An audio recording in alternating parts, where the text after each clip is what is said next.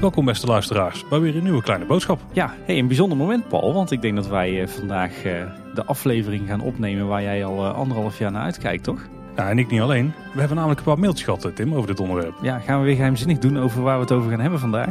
Nou, ik denk dat we er wel redelijk snel achter zijn als we bijvoorbeeld de mail van Nick even voorlezen. Ja, precies. Ik eh, heb misschien wel een leuk onderwerp voor een aflevering. De Efteling zit vol met bewegende figuren. Van heksen tot waterlelies, van tovenaars tot Arabieren en van tovenaar tot hoflakij. Onze favoriete Efteling animatronics lijkt me dan een erg interessant onderwerp voor een aflevering. Ja, Dus gaan we het over animatronics hebben vandaag, Tim. wij gaan het vandaag eh, eindelijk hebben over eh, onze favoriete Efteling animatronics. Maar het was niet alleen Nick die erop zat te wachten. Nee, we kregen eh, van heel veel luisteraars die vraag de afgelopen anderhalf jaar. We kregen ook een mailtje bijvoorbeeld van Wout.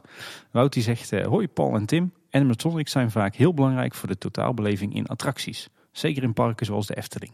Misschien kunnen jullie een keer een aflevering maken die gaat over animatronics. In het algemeen, maar vooral die in de Efteling natuurlijk. Wat zijn bijvoorbeeld volgens jullie de beste animatronics en wat zijn de slechtste?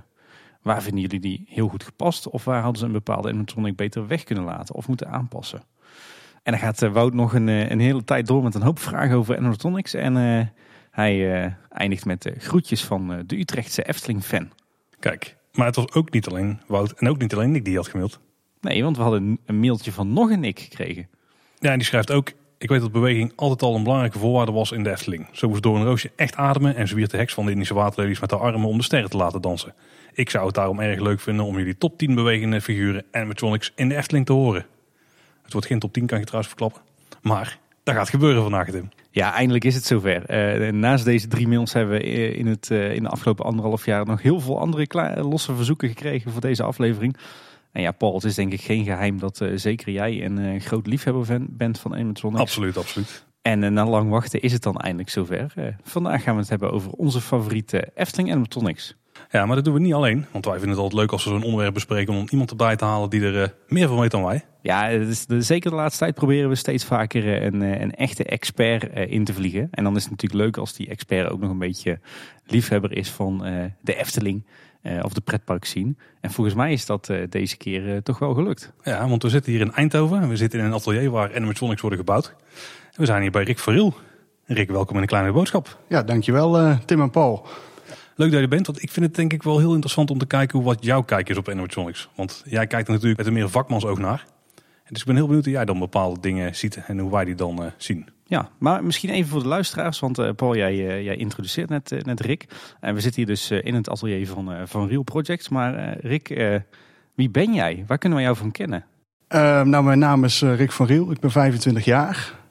Ehm, in de pretpark zien zullen veel mensen mijn naam wellicht wel kennen van de, de Fata Morgana schaalmodel. Dat is een maquette van de Fata die ik gemaakt heb toen ik eh 14 jaar was. Ja, die staat hier achter ons, tenminste achter mij. Ik, ik sta er echt al eh, sinds, eh, we, we zijn hier nu een ruim half uurtje binnen, denk ik. Ik, eh, ik kijk er nog steeds verlekkerd naar. eh. ik, ik vind het trouwens echt ongelooflijk dat jij die hebt gemaakt toen je 14 was, Rick. Ja, dat klopt. Dat is een beetje waar mijn eh, ja, passie toch wel voor, eh, voor de, de attractieparken hoek eigenlijk vandaan komt. Ik was als kind, eh, waren er twee dingen die ik altijd heel graag deed. Ik was altijd dingen aan het maken thuis, en met mijn vader en met mijn opa. En daarnaast, eh, ja, zoals veel mensen, helemaal gek van de Efteling. En die combinatie ging er uiteindelijk eh, voor zorgen dat ik dingetjes in het klein begon, eh, begon na te bouwen. En ja, daar is dat wel een beetje het resultaat van geworden. Een redelijk uit de hand gelopen hobby. En ja, later ben ik me wat verder gaan specialiseren in, in de mechatronica. Dus echt de, de fijnmechanica, elektronica en ook een stukje vormgeving. En ja, die combinatie die, heeft er uiteindelijk toe geleid dat ik me nu voornamelijk bezighoud met het bouwen van animatronics, het onderhoud eraan. Maar ook bijvoorbeeld eh, het maken van eh, bewegende decorstukken of props of eh, ja, eigenlijk van alles. Eigenlijk alles wat niet standaard te koop is. Ja, ik wil nog heel even terug naar die Fata Morgana, naar het schaalmodel dat hier achter ons staat. Daar zit dus gewoon een, een wel schuddende gin in, hè? Ja, inderdaad, de schatkamer die, eh, die beweegt daar inderdaad nog, ja. Hey, Erik, jij werkt eh, vanuit jouw eh, bedrijf eh, van Real Projects, als ik het goed zeg. Dat klopt. Met eh, overigens een heel gaaf logo, met daarin volgens mij de Chinese nachtegaal. Ja, dat klopt. Echt, echt super tof. Voor wat voor partijen werk jij zoal? Ehm, in het verleden heb ik onder andere voor, voor Toverland gewerkt. Ik heb een tijdje bij de Efteling wat dingen gedaan. Ehm, maar ik doe ook dingen voor. eh, we zijn nu bijvoorbeeld bezig met een project voor, eh, voor scholen. Waarbij we ook een, eh, een robotje aan het ontwikkelen zijn. ter ondersteuning van een, lespakket. Ja, eigenlijk de meest uiteenlopende dingen. Dus alles wat we doen is maatwerk. En ja, daarvoor komen mensen dan vaak bij mij terecht. En als je dan een project aanneemt, wat zijn al de onderdelen die jij bijvoorbeeld van animatronic doet? Eh, dat, dat varieert echt per, eh, per opdracht. Je hebt klanten die, eh, die zelf al met een ontwerp komen en die zelf al vormgevers hebben en die zeggen van we bestellen alleen bij jou de techniek. Maar het kan ook zijn dat een klant een compleet, compleet product bij ons bestelt. Dus dat, dat varieert echt per, per opdracht. Ja, want als ik zo hier vluchtig rondkijk in eh, jouw werkplaats, eh, dan, dan zie ik echt wel, eh, ik zie hier heel veel mechatronica, maar ook echt wel zaken die te maken hebben met vormgeving, met decoratie, schilderwerk. je bent echt wel een, een creatieve duizendpoot, mag ik wel stellen, toch? Ja, dat klopt. Ehm, mijn basis is wel de techniek, zeg maar. Dus ik heb er ook een opleiding in gedaan in de mechatronica. En op het gebied van vormgeving probeer ik mezelf ook goed, goed bij te ontwikkelen. En als er echt een groot project komt, dan werk ik ook vaak samen met eh, specialisten op dat gebied. Ja. Dus eh, Oké. Het is eigenlijk als er een animatronic gemaakt moet worden, dan kunnen ze bij jou gewoon terecht van A tot Z. En dan komt het helemaal goed. dat, is, eh, dat is zeker mogelijk, ja. Kijk, nou dan weten we in ieder geval goed wie Rick is. Ja, precies. We zijn hier vanavond eh, te gast eh, echt bij jou in de, werk, eh, eh, in de werkplaats, Rick. Ik zit hier ook aan een mooie tafel met de zaagsnedes eh, er, er nog in. wat, eh, in wat voor gebouw zitten we hier? Eh, we zitten hier in het gebouw van Plan B. Dat is eh, in Eindhoven. Het is een oude Philips eh, fabriek. Die stond op de nominatie om, om afgebroken te worden. Maar sinds een aantal jaar eh, zitten daar tussen de 80 en 100 eh, creatieve ondernemers gevestigd. En ja, sinds dit jaar huur ik hier samen met een vriend van mij ook een, een ruimte. Ben je een populaire atelier om even langs te komen voor andere mensen die hier zitten? Ehm, in principe is het een werkplaats. Dus als het werkgerelateerde redenen heeft, dan zijn mensen zeker welkom. Alleen het is, eh, het is geen museum, omdat hier ook wel eens eh, toch wel wat vertrouwelijke dingen staan. Dus we kunnen niet zomaar iedereen eh, binnenlaten. Kijk, Hey, en wat zien we zo al om ons heen? Eh, Rick, kan je ons even kort eh, meenemen op een rondje door jouw eh, atelier? Nou ja, zoals je ziet zitten we nu duidelijk aan de kant waar eh, ja, wat echt de werkplaats is, zeg maar. Eh, zoals je ziet staan hier verschillende machines. Dus eh, een draaibank, freesmachine. Dus dat is echt gericht op eh, metaalbewerking. En aan de andere kant hebben we vooral eh, kantoorruimte. Dus daar eh, hebben we bureaus staan met eh, computers, met tekensoftware. En ja, ook de ruimte om lekker te brainstormen. We hebben een beamer hangen, dus we kunnen s'avonds lekker film kijken en inspiratie opdoen. Dus dat, we proberen hier ook echt wel een, een soort creatieve bubbel te creëren. Waar we gewoon lekker ons ding kunnen doen, ongestoord. En ja, de creativiteit zijn vrije loop kunnen laten gaan, zeg maar. Moet ik zeggen, daar hangt hier ook echt een super lekkere vibe, weet je wel. Doet me een beetje denken aan het eh, techniek- en handvaardigheidslokaal eh, op, eh, op de middelbare school. Maar ook wel op de, de werkplaats van de, de WOD in de Efteling doet me ook wat aan denken. En overal hangen ja, toch bijzondere spulletjes staan er. En, en bijzondere tekeningen, foto's. Het heeft allemaal wat met Efteling en Toverland. Maar ja, het, het heeft echt wel die, die hele creatieve vibe, hè. En, eh, en dan zeker van ons wereldje. en er staan animatronics, Tim. Dat klopt. Er staan hier eh, een aantal eh, projecten. Dit zijn al wat, oudere projecten. Eh, maar die staan hier gewoon om, eh, ja, om te demonstreren aan mensen die hier komen. En eh, het helpt vaak ook als je hier met, eh, met mensen aan het werk bent... dat je eens een keer wat kunt aanwijzen, dat je eens iets, een keer iets kunt uitleggen. Dus eh, ja, eigenlijk alles wat eh, het, ver, het, het vergemakkelijkt om bepaalde projecten te bouwen, dat, dat staat hier. Ja. Maar, maar dit is wel echt waar de magic happens. Hè? Hier zit Rick eh, overdag eh, lekker te sleutelen aan, eh aan animatronics, toch? En vooral ook s'avonds. Want dat gaat hier. creatieve mensen die, die gaan vaak tot laat door. En ja, dit, het is echt een plek om inderdaad lekker te brainstormen. En een veilige omgeving waar we de meest gave dingen kunnen maken. Eh, Rick, we hebben net eh, voorafgaand aan deze opnames eh, van jou even een, spoedcursus animatronic kunde eh, gehad. Hè? Je hebt ons helemaal verteld hoe jij animatronics bouwt vanaf de eerste schets tot, tot de oplevering. Daar gaan we deze aflevering niet over hebben. Misschien moeten we daar ooit eens een keer een, een bonusaflevering over maken of zo, want het is super interessant. Maar waar we deze aflevering eigenlijk over willen gaan hebben, is het over onze favoriete Efteling animatronics. En we hebben deze keer afgesproken met elkaar dat we ieder een, een top 5 opstellen.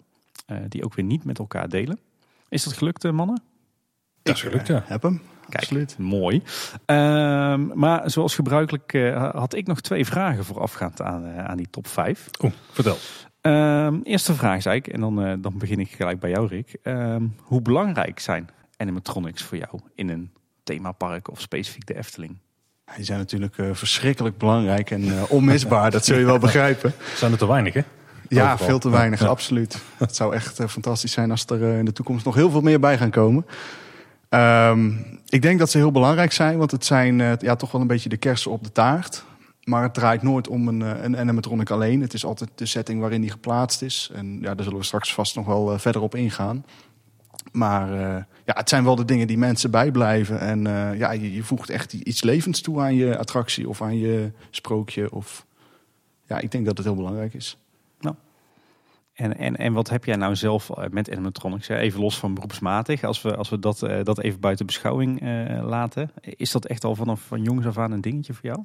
Eh, ja, ik was er als kind al, al helemaal door gefascineerd. Ehm, wat, wat ik vooral het interessante eraan vind, is dat het ehm, om zoiets te maken, daar komt zo verschrikkelijk veel bij kijken. Het is, het is techniek, het is vormgeving, je bent met eh, verhalen vertellen ben je bezig. Je bent, eh, het is ontzettend breed en het, het, het is eigenlijk het, het, samenbrengen van heel veel verschillende disciplines. Wat uiteindelijk een bepaald resultaat oplevert. En ja, dat is iets dat, dat vind ik gewoon zo spannend. En ik denk dat je daar ook nog. Ja, dat er nog heel veel meer mogelijk is. En voor jou, Paul, ik denk dat de luisteraars eh, wel weten dat je wat hebt met animatronics, maar hoe belangrijk zijn ze voor jou?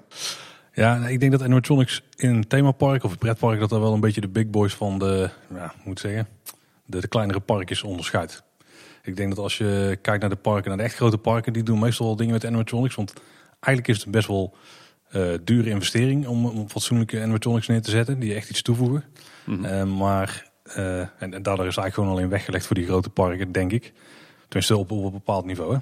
Ik denk dat, dat wat animatronics doen, is dat die echt leven toevoegen aan, aan scènes. Want als je gewoon ergens doorheen gaat en het is gewoon een statische ruimte, ja, dan is het, kan heel mooi zijn. Kan ook best indrukwekkend zijn.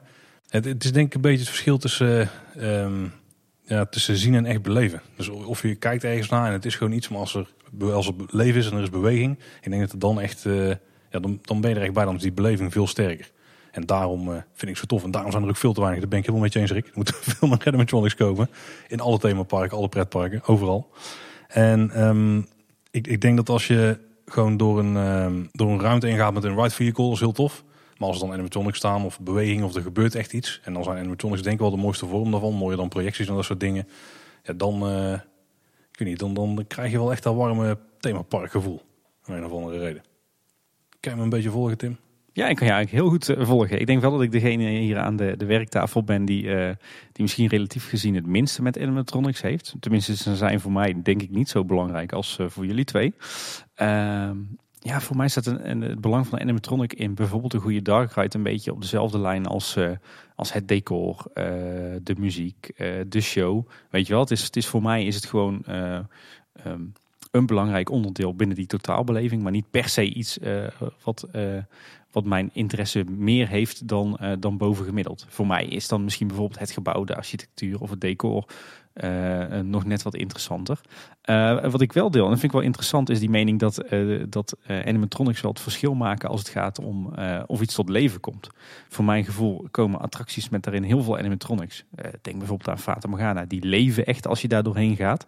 Terwijl attracties waar geen animatronics in zitten of, of amper animatronics, maar die toch een soort van bewoonde wereld willen uitstralen, daar komt er weer niet in over. Hè? Kijk Ja. bijvoorbeeld naar een, een, een, een vliegende Hollander, ik noem maar een dwarsstraat.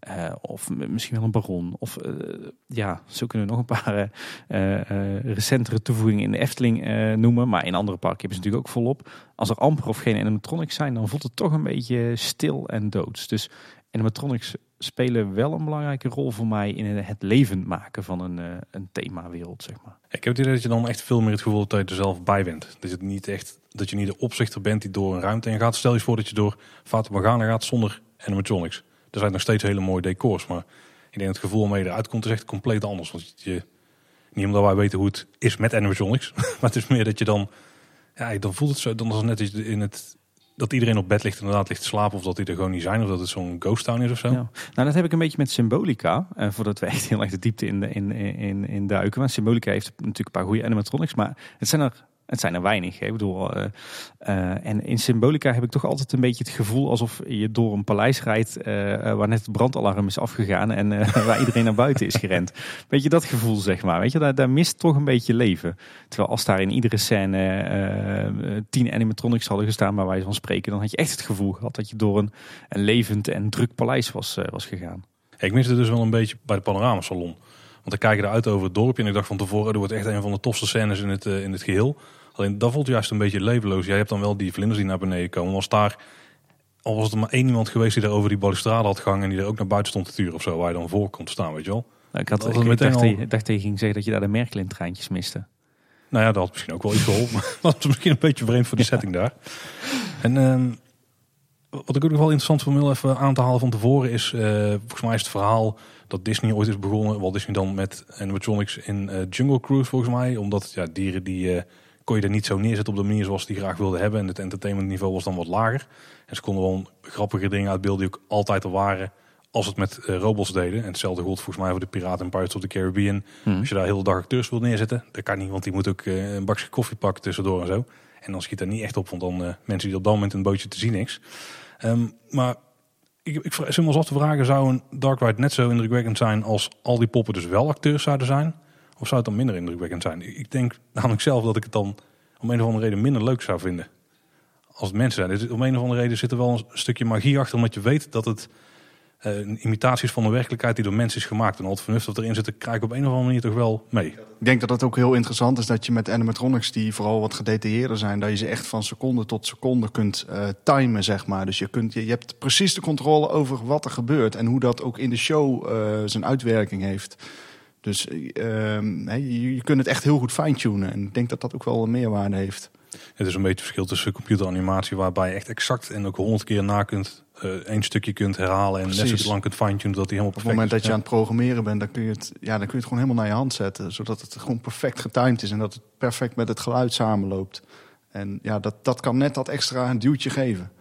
Nou, dat is wel een goede. De showtiming heb je natuurlijk ja. ook nog. Ja. ja. en ik denk dat bij ons, hè, onze pretparkgekkies om het zo maar uh, te zeggen, en onze animatronic gekkies, dat het ook wel een beetje uh, het respect voor de techniek is. En, en de interesse in de techniek. Uh, want inderdaad, als je dan voor het eerst door een attractie uh, vaart of rijdt en er staan animatronics, dan ga je toch weer kijken van, oh, hoe zijn die bewegingen en hoe werkt dat en hoe hebben ze dat gefixt en is het uh, pneumatisch of met motoren en weet je wat, is denk ik ook wel een, ik denk dat het, het, het wel een grote rol speelt. Nou, wat ik wel mooi vind is, want dat heb ik net ook, dan uh, zie je zo'n opengewerkte, in dit geval als een kop staan met een nek en zo eraan.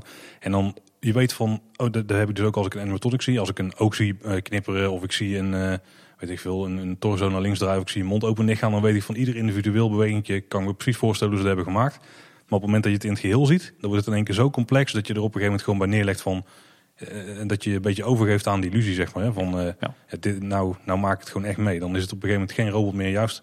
Maar het begint wel met het denken over van hoe is het nou gemaakt. Op een gegeven moment ben je jezelf kwijt en dan ja. ga je gewoon door een tof attractie heen techniek is een middel, geen doel op zich. Zegt een wijs man wel eens. Hey, nou, nou zitten we bij de, bij de expert aan, uh, aan de koffie. Uh, Rick, uh, wat maakt voor jou nou een Efteling animatronic goed? Um, dan zou ik zeggen, dat is niet alleen de animatronic zelf. Maar dat is vooral, en dan sluit ik toch een beetje ook weer bij Tim aan, de setting waarin die geplaatst wordt. Want ja, dan ga ik al misschien een beetje vooruitlopen op mijn lijstje. Ik vind bijvoorbeeld de Trollenkoning is, is technisch waanzinnig knap gemaakt. En zijn mimiek. Alleen uh, als je kijkt naar het publiek, mensen komen eraan, die draaien aan die, aan die steen. Of aan die wijzer. En dan, dan gaat het gordijntje open en dan begint hij te vertellen.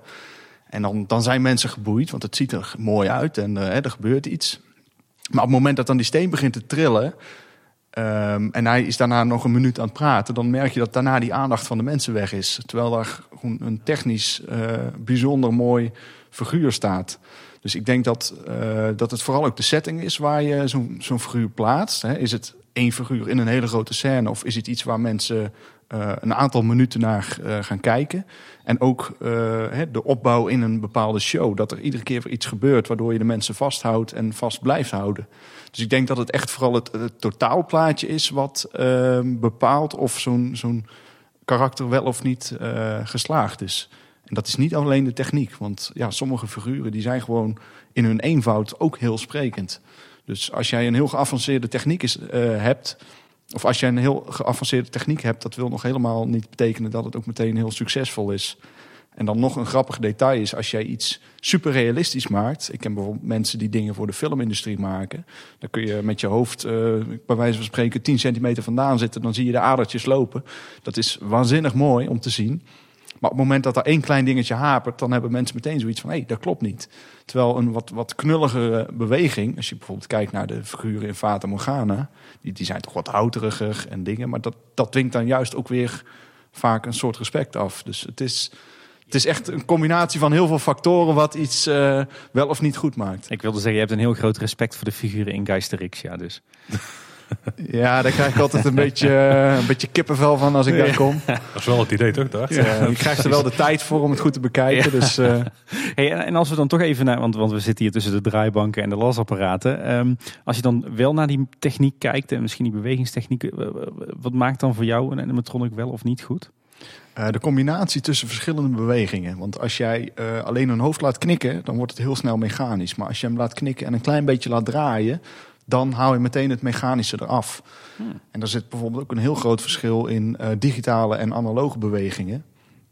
Als je bijvoorbeeld heel veel animatronics die werken dus met luchtcilindertjes. En dat is dus gewoon in of uit op één snelheid.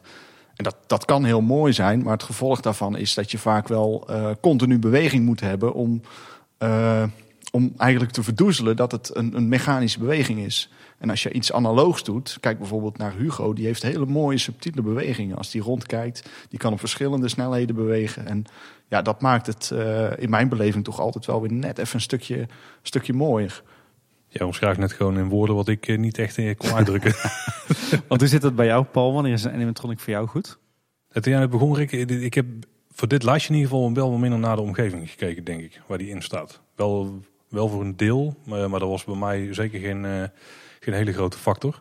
Maar wat bij mij heel belangrijk is, is gewoon is, ja, de beweging. Dat maakt een animatronic een animatronic en niet een standbeeld. Mm -hmm. en ik denk dat dat ook wel helpt als het realistisch is. Als jij zegt net inderdaad, je hebt die uh, bijvoorbeeld een luchtcilinder en betekent er vaak een, een slaande, slaande beweging. Of ja, je er ook natuurlijk wel. Ja, dat is het. Je kunt er ook iets mee laten draaien en zo natuurlijk. Of ja. dus heen en weer laten bewegen. Maar als je dus de meer realistische beweging hebt, die voegen wel echt wat toe. En daarom is het ook schijfsysteem ook wel zo, zo geniaal eigenlijk. Want daarin kon je op een relatief goedkope manier natuurlijk wel voor elkaar krijgen. Maar het moet wel iets, het moet toch wel eens een realisme hebben. Ik vind het belangrijk dat de animatronic, die mag best lelijk zijn. Maar als de beweging realistisch is, dan doet dat vaak meer dan dat het gewoon een carnaval festival op en neer gaat. Want dat zal heel veel luchtcilinders zijn, denk ik. Uh, mechanisme is waarbij de pop heel mooi is. Want dan blijft het gewoon een bewegend, op en neer bewegend standbeeld bij wijze van spreken. Terwijl als je juist een hopje of zo eh, erin zou doen, zodat hij een soort sprongetje maakt, dan, dan voegt het toch in één keer veel meer toe. Dus ik denk dat de qua beweging meer richting realistisch gaat. Het hoeft inderdaad niet zo, te, zoals jij zegt, te zijn zoals die film animatronics doen. Waarbij trouwens een belangrijk detail is, die hoeven vaak maar uh, dat is een, keer Dat is een heel, heel, heel groot verschil met inderdaad met animatronics in de filmindustrie of inderdaad voor attractieparken moet uh, denken dat bij een attractiepark moet zo'n figuur 10 tot 12 uur per dag draaien, zeven dagen in de week. Uh, ja, dan heb je natuurlijk met hele andere materialen te maken en andere beperkingen dan dat je iets voor een film maakt wat eh, bij wijze van spreken een maand uh, moet werken. En daar moet het esthetisch weer van een, een veel hoger niveau zijn, omdat ja. je hè, met een camera ook heel dichtbij kunt komen. Ja. Dus dat is een groot verschil. Ja, wat ik wel trouwens echt een dooddoener vind bij uh, animatronics is als ze zo'n schuddende beweging maken. Dat haalt me echt meteen uit die illusie, weet je wel. Dat heeft, oh, je punctueel op de trap bij symboliek een beetje. Als je achterover gaat uh, hangen, dan, dan zie je hem nog even op zijn metalen stellage zeg maar heen en weer uh, schudden. Dat vind ik altijd zo'n dodenrotje. Ja. ja, jij weet precies wat ik bedoel, denk ik. Maar... Ja, dat klopt. Daar hebben we het uh, net ook al uh, over gehad uh, voordat de microfoon aanging. Um, wat ik altijd ook heel erg probeer is als je een, een, mechaniek ontwerpt, dat je de bewegingen, voor zover dat mogelijk is, goed uitbalanceert. Dus dat betekent dat een beweging in evenwicht is, waardoor je dus minder kracht nodig hebt om een, he, iets omhoog of omlaag te laten gaan of om iets te laten kantelen. En ja, daarmee kun je dus eigenlijk al voorkomen dat hij heel erg gaat schudden. Maar als je een animatronic ontwerpt, is dat denk ik wel een van de dingen waar je rekening mee moet houden. Ja, ik probeer dingen altijd goed uit te balanceren, zodat het uh, mooi soepel beweegt en ook minder slijt. En als het dan nog een beetje verder gaat, wat ik belangrijk vind, een animatronic mag best uh, subtiel zijn. Dus de beweging hoeft helemaal niet uitbundig te zijn. Ik denk dat de Efteling daar op dit moment ook niet echt, nou misschien wel een aantal, maar niet, niet de beste is in de wereld. Laten we daarop houden. En de subtiliteit denk ik wel. En dat kan een animatronic ook heel erg goed maken. Want ik denk dat het allerbelangrijkste is dat hij leven toevoegt aan het geheel. Zoals dat, dat de animatronic zelf een beetje het leven brengt, zeg maar. Of dat het in het geheel eh, iets toevoegt. En daar komt een beetje op neer. En dan heb ik denk ik een licht voorschot genomen op jouw eh, Oeh. ideeën. Eh, Daar waar niet in. we hebben dit niet van tevoren uitgewisseld, maar ehm, jij denkt mij goed te kennen, Paul. Het is gewoon een karakter. eh, Ja, we maken die al anderhalf jaar samen een podcast. Hè? Nee, wat is bij mij eh, eh, belangrijk als ik naar een, eh, eh, of ja, eigenlijk wat maakt voor mij een Efteling animatronic een goede animatronic? Ehm, is wel een beetje het totaalplaatje, niet zozeer Rick wat jij zegt met, met de omgeving waar dat die in staat. Maar wel ehm, eigenlijk de combinatie van eh, de kwaliteit van de beweging met eh, de kwaliteit van het masker. Dat is voor mij misschien nog wel net wat belangrijker dan de beweging zelfs. Ik vind een, lelijk masker, dat, je kan nog zo'n animatronic hebben die zo soepel beweegt. Maar als het masker lelijk is of niet realistisch, eh, dan dat is voor mij meteen een afknapper. Ehm, dat geldt niet alleen voor het masker, maar dat geldt bijvoorbeeld ook voor de, de gezichtsbeharing, voor de, de pruik, voor de, de griem eh, van het masker, eh, voor de handen, eh, de griem van de handen, de kleding. Dus echt dat totaalplaatje van en beweging en masker en griem en kleding, dat maakt voor mij wel of iets wel of geen goede animatronic is. Zeker in de Efteling. Mooi in de Efteling vind ik dat eh, animatronics eh, vaak heel erg verweerd zijn, weet je wel. Een beetje vuile, smoezelige kleding, eh, wat verweerde gezichten met veel, veel plooien en, en veel rimpels. Daar kan ik echt van genieten, weet je wel. Waar dat in veel andere parken, ook in, in Disney, het allemaal vaak wat meer eh, eh, Marijke Helwegen strak getrokken, zonder pukkeltje, puistje of rimpeltje is. Ik vind juist die, juist een beetje dat doorleefde, dat, dat rauwe van Efteling animatronics vind ik echt subliem. En als je dan even inzoomt op, eh, op de beweging, dan eh, zit ik eigenlijk wel met jullie op één lijn. Zeker met jou, Paul. Eh, ik, ik ga niet echt voor het grote gebaar. Wel, zo'n zwaardvechten scène in Pirates of the Caribbean. Of die, die shamaan in, wat was het ook alweer? Die Dark Ride daar in Animal Kingdom. Het Avatar, hoe heet dat ding? River Expedition Quest. Ja, nou, dat is River Quest. dat is iets anders. Nou ja, weet je, weet je, dat grote gebaar, dat hoeft van mij niet, eh, niet zozeer. Ehm, dat vind ik eigenlijk ook niet, niet, niet heel indrukwekkend of zo. Ik vind juist dat, eh, dat, dat subtiele, dat, dat levensechte, weet je, al net even dat, dat knikje, een buigingje, eh, net even die bewegende vingertjes, een trekje in het gezicht. Ik vind dat, dat Efteling animatronics daar echt in uitblinken. Dus dat is voor mij ook wel heel erg belangrijk. Juist dat, dat kleine gebaar en die subtiele bewegingjes. Ik vind dat de Efteling er ook altijd heel sterk in is om als je bijvoorbeeld naar de lakai kijkt van Repelsteeltje. Die is, als je er gewoon al naar kijkt, dan is het al heel duidelijk wat hij aan het doen is, zonder dat hij beweegt. Gewoon in zijn, zijn, zijn houding en zijn gezichtsuitdrukking. Ik vind dat ze dat bij de Efteling ook altijd eh, heel goed doorhebben. Hoe ze met, met hele subtiele, eh, met vaak met weinig beweging, een heel sprekend eh, karakter kunnen neerzetten. Ja, absoluut. En het valt me trouwens ook op, nu, nu, nu zitten we hier in, in jouw atelier en overal hangen natuurlijk ook foto's van animatronics. Het is eigenlijk wel grappig, in, eh, waar in heel veel parken de gebouwen bijvoorbeeld allemaal spik en span zijn en in de Efteling juist heel erg doorleefd en overwoekerd en gescheurd en zo, geldt het eigenlijk ook wel voor de animatronics. Het is eigenlijk, je zou een parallel kunnen trekken, hè, waar die in andere parken allemaal heel strak zijn en, eh, en, en eh, bij wijze van spreken afgelakt en gelikt, zijn die in de Efteling ook allemaal wat... ja, wat doorleefder en verweerder. En, Ja, maar dat doe je wel bewust. Niet het feit dat ze de onderhoud heel lang hebben nee, nee, nee, nee, nee, nee, dat bedoel ik inderdaad eh, eh, dat, dat het een bewuste keuze is van de Efteling. Dus die doorleefdheid die zit er toch op de een of andere manier in, in dat Eftelingse, denk ik. Hoe moeilijk vonden jullie het om het lijstje te maken van de top 5? Nee, ik weet het van Rick, want die heeft hem echt net in een paar minuten in elkaar geklust. Die wel heel snel. Daar ben ik heel benieuwd naar. Eh, voor mij was het eigenlijk super easy. Nou staat dit natuurlijk dit onderwerp al wel eh, anderhalf jaar, eh, bijna, wat zeg ik, bijna twee jaar denk ik op onze planning. Misschien wel een van de eerste onderwerpen die we ooit bedacht hadden. Dus dit, dit spookt al heel lang in mijn hoofd rond. Maar nee, voor mij was het eigenlijk wel appeltje eitje. Ik had ze vrij snel in beeld. Nou, dat was bij mij dus niet. Want ik heb weer het gevoel dat ik superveel ben vergeten. En dat er heel veel zijn waar ik gewoon niet bij heb stilgestaan. Dus dat is een beetje het, nadeel wat ik heb. En ik zit terwijl we aan het praten zijn ook met top 5 nog te maken. Want ik had gewoon een hele lange lijst. Maar ik had nog niet echt 5 uitgekozen. Ja, we gaan, nu, we, gaan, we gaan nu echt voor de klassieke top 5. Hè? Dus, eh, ik heb moeite met de laatste. Eh, Oké. ik, praat, ik praat de tijd gewoon even vol, net zoals we dat op de radio eh, doen. Eh, nee, we hebben nu inderdaad gekozen voor een klassieke top 5. Dus we gaan van 5 naar 1 werken. En om de beurt eh, eh, noemen we er eentje. En leggen we ook wel even kort uit natuurlijk waarom we daarvoor gekozen hebben. Eh, en achteraf hebben we nog wel tijd voor wat eervolle vermeldingen. Ik hoop het, want ik heb er dus wel veel dit keer. En die zullen er vast wel zijn. Maar ik denk dat het leuk ook is, Paul, dat juist doordat we hier nu met z'n drieën zitten en van tevoren ook niet met elkaar hebben gedeeld wat onze favorieten zijn, eh, dat, we, eh, dat we zeker niet altijd overlap zullen hebben. En dat er misschien die dingen die jij vergeten bent, dat eh, Rick of ik die dan misschien wel in beeld hebben. Helemaal goed. Ik heb er vijf van gemaakt. Top. Eh zullen we beginnen gewoon bij de expert himself, bij Rick. Rick, wat is jouw Ja. nummer vijf? Ehm, dat is misschien een gekke, een gekke nummer vijf vanuit mijn, eh, vanuit mijn kant gezien. Maar dat is eh, de Trollenkoning. Ik kan verklappen, die staat op mijn lijstje. Ja, die staat ook op mijn lijstje. Oké. En dat is, eh, ik zal uitleggen waarom. Eh, ik heb het net al een klein beetje verteld. Het is, het is technisch een, een waanzinnig knap, eh, knap apparaat wat daar staat. Hij ziet er ook super mooi uit. Ehm, maar ja, als ik kijk naar wat het met bezoekers doet, ehm, denk ik toch van daar had misschien wel wat meer uitgehaald kunnen worden. Ja, dat is makkelijk praten achteraf, maar eh, Ja, maar dan gaat het dus meer om de show. En, en om de het- show en de totale opbouw. Want ja, wat ik al zeg, het ziet er waanzinnig goed uit en het beweegt mooi en het kan van alles. Ehm, maar ja, ik, ik heb gewoon het gevoel, als je kijkt naar hoe men, ik ben altijd heel erg aan het observeren van hoe, hoe reageren mensen nou op zoiets. En je merkt gewoon dat ze vaak halverwege de show toch, eh, toch afhaken. Dus eh, Ja, jij, kijkt- reden jij dat kijkt die, ook eh, echt naar, naar het aspect van wat is de doelgroep, hoe zit de storytelling in elkaar, eh, hoe komt het over, wat is de spanningsboog voor mensen, dat soort zaken. ja, ja, klopt. Oké. Zal ik hem daar zelf toelichten? Of, eh, Ja, nee, we blijven, we houden ons netjes eh, aan onze top 5. Dus eh, Paul, ik ben benieuwd naar jouw nummer 5. Het is misschien ook al een hele vreemde als je mijn verhaal net hoorde. Dus ik doe met jou mee, Rick. Eh, en dat is eh Draak licht geraakt in het Sprookjesbos. En de, de, de reden daar is eigenlijk vooral dat het is een hele oude animatronic. Ze zullen de techniek vast wel wat gerealiseerd hebben door de jaren heen. Eh, maar als je kijkt hoe daar dus kinderen op reageren en met de beweging van zijn nek vooral, want dat is het ook vaak. Het is zijn nek, zijn vleugels en eh, zijn ogen. Eh, en zijn tong die beweegt, maar dat is gewoon slim gedaan, want die is van rubber. Dus die schudt lekker op en neer.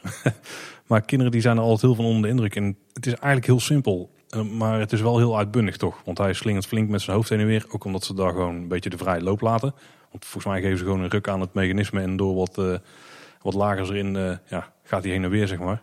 Maar het, het is gewoon eigenlijk zo'n simpel ding. Maar toch wel groot indrukwekkend. En het is ook een beetje die historie die er dan bij hangt. Dat hij er al zo lang staat. En dat hij het eigenlijk al zo lang best wel prima eh, doet. Ja, dat maakt hem voor mij eh, wel een, een noemenswaardige. Nou, volgens mij is die stiekem best wel gecompliceerd hoor. Volgens mij is het ook een van de weinige, of misschien wel de enige hydraulische animatronic in de Efteling. Is die hydraulisch, ja? Ja, volgens mij wel. Ik eh, durf er geen antwoord op te zeggen, maar eh, Oeh, het zou me niks verbazen inderdaad. Omdat het best wel een zware constructie is. En Ja, eh, ja, met inderdaad. hydrauliek kun je gewoon veel meer kracht zetten als met, eh, met luchtcilinders. En het is gecontroleerder.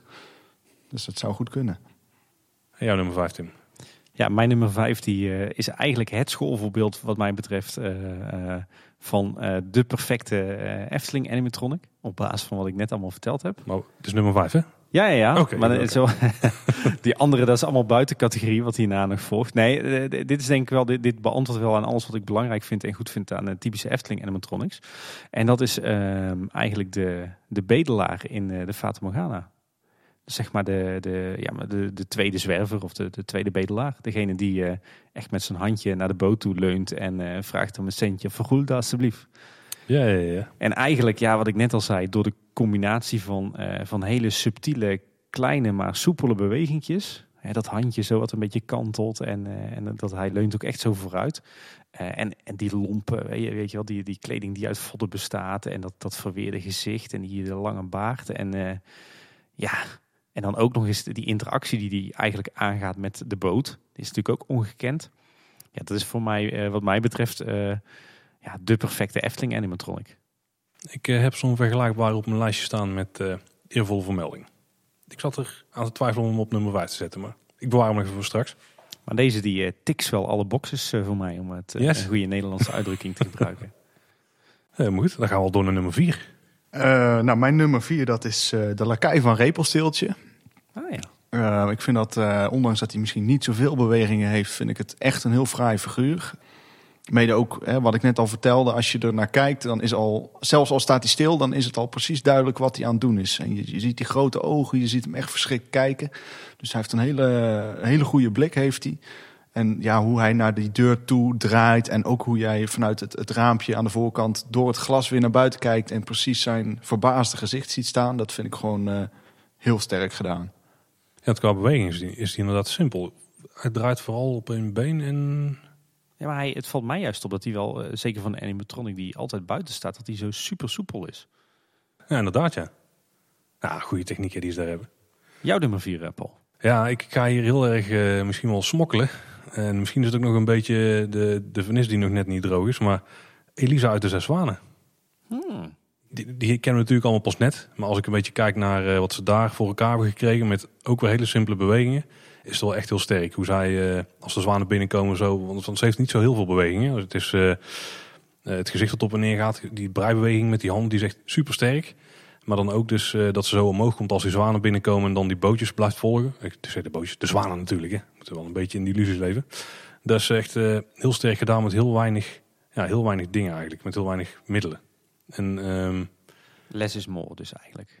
Nou, in dit geval is, hebben ze echt, eh, wat jij ook vertelde toen we hier net het woordspreking hadden, ze hebben echt perfect gekeken naar was hetgene wat ze nu echt moet overbrengen. En heel, alle techniek die is daar gewoon opgebouwd. En ik weet niet of het nu nog de nieuwheid is, dat het nu, bijvoorbeeld die, die breibeweging, die is echt gewoon goud. Dat is echt een van de beste handbewegingen in animatronic land, denk ik, die je kunt vinden. Dat klopt gewoon echt precies. En, ehm, ja, en het feit dat ze dan ook nog meer doet dan alleen daar zit. Zeg maar, het is niet eh, een, zo'n slecht voorbeeld, maar door een roosje die gewoon ligt te ademen. Er gebeurt nog wel meer. Het is wel niet het allerbeste voorbeeld van Less is. Daar heb ik er denk ik daar nog wel meer van. Maar het is wel een, eh, ik denk wel een hele goede balans die ze daar hebben, die ze daar hebben gevonden. Vandaag een beetje smokkelen, hè? want we hebben nog niet zo goed kunnen bestuderen. Nee, precies. We We, zullen, ook we zullen de luisteraars niet lastigvallen met onze opnameplanning. Eh, mijn nummer 4 die bevindt zich ook in het Sprookjesbos. En sluit eigenlijk ook wel een beetje aan bij eh, wat, ik hier, wat ik net al een paar keer verteld heb. Eh, en dat is de Chinese keizer. In het sprookje van de Chinese nachtegaal. Ook weer eh, een, natuurlijk een hele ja, doorleefde, verweerde animatronic. Hè. Is natuurlijk een, een zieke oude man, moet hij voorstellen. Schitterend masker. Eh, schitterend ook dat haar en hoe dat hij daar in bed ligt. Maar ook de- de- de- ja, die, die bepaalde levensechtheid. Hè. Hij is op een gegeven moment in doodstrijd. En dat ziet er ook echt dramatisch uit. Ook wel weer met hele subtiele bewegingjes. En dan ehm, komt hij op een gegeven moment komt de dood. En dan komt hij een klein beetje omhoog. En dan is het dood er. En dan valt hij weer achterover in zijn kussen. En eh, als hij dan uiteindelijk wordt gered door de nachtegaal. Dan komt hij juist weer omhoog. En ik vind dat zo subliem subtiel gedaan. Echt, echt een heerlijke animatronic. En ook echt een, een verborgen juweeltje, denk ik. Mag ik een van mijn eh eervolle vermeldingen ertussen fietsen hier? Eh, als jij dat wil. Er zijn die twee lakaien die zo achter die deur vandaan komen. die, Oh, die, ik, die zou ik dan, daar zou ik dan weer niet op gekomen zijn. Maar nee, die vind ik zo goud. Die, de manier waarop die zo... eh die, er komen eerst die handjes komen zo de deur om. En dan komen die lichamen zo achteraan. Dus dat is ook niet zo'n heel goede kopen. We schuiven alles in één keer eh, erachter. En ook de beweging waarmee ze met hun hoofd tevoorschijn komen. En eh, hoe die wenkbrauwen dan bewegen. Ik vind echt eh, een gouden toevoeging daar aan het geheel. ja, ik denk dat die lakaien ook wel een beetje een persiflage op zichzelf moeten voorstellen. of op de animatronic. Ja, misschien wel ja.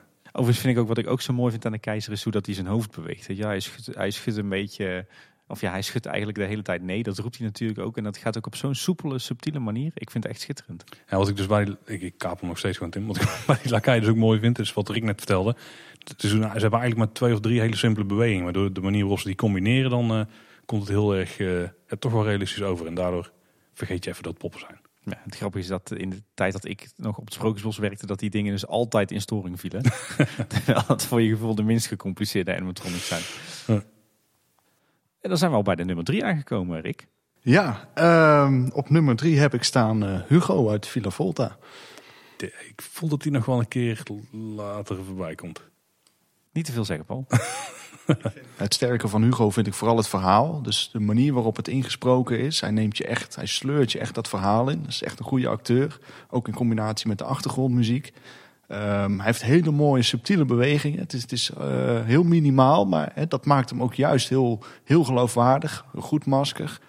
Ehm, maar ja, het zou wel eens heel leuk zijn als ze nog eens zouden kunnen kijken of ze met de handen iets meer gebaren zouden kunnen maken. Waardoor hij nog net even iets meer in dat verhaal zit. Maar eh, ja, ik vond het als kind altijd een van de meest eh, indrukwekkende figuren. En wat er ook aan bijdraagt is omdat je in de, in de vorige show wordt hij eigenlijk al geïntroduceerd. Dus eh, voordat je die ruimte binnenkomt heb je eigenlijk al een bepaald gevoel bij dat karakter voordat hij nog maar iets verteld heeft. Want ja, je komt daar toch binnen met een gevoel van, goh, je bent wel een naar mannetje eigenlijk. Dus dat vind ik ook wel sterk daaraan. Ja, Ja. zeker. Ja. Absoluut. Ik ga er nog even niks tegen inbrengen. Ik ook niet. Jouw nummer drie, Paul. Ja, dat is ook een animatronic die zit. Maar je hebt hem net ook al genoemd. Dat is de Trollenkoning. Die staat bij mij op nummer drie. En de reden daar is eigenlijk dat ik denk dat het op dit moment het sterkst bewegende figuur in heel de Efteling is. En ik denk dat ze wat hier heel slim hebben gedaan, net als bij Hugo waar hij zit.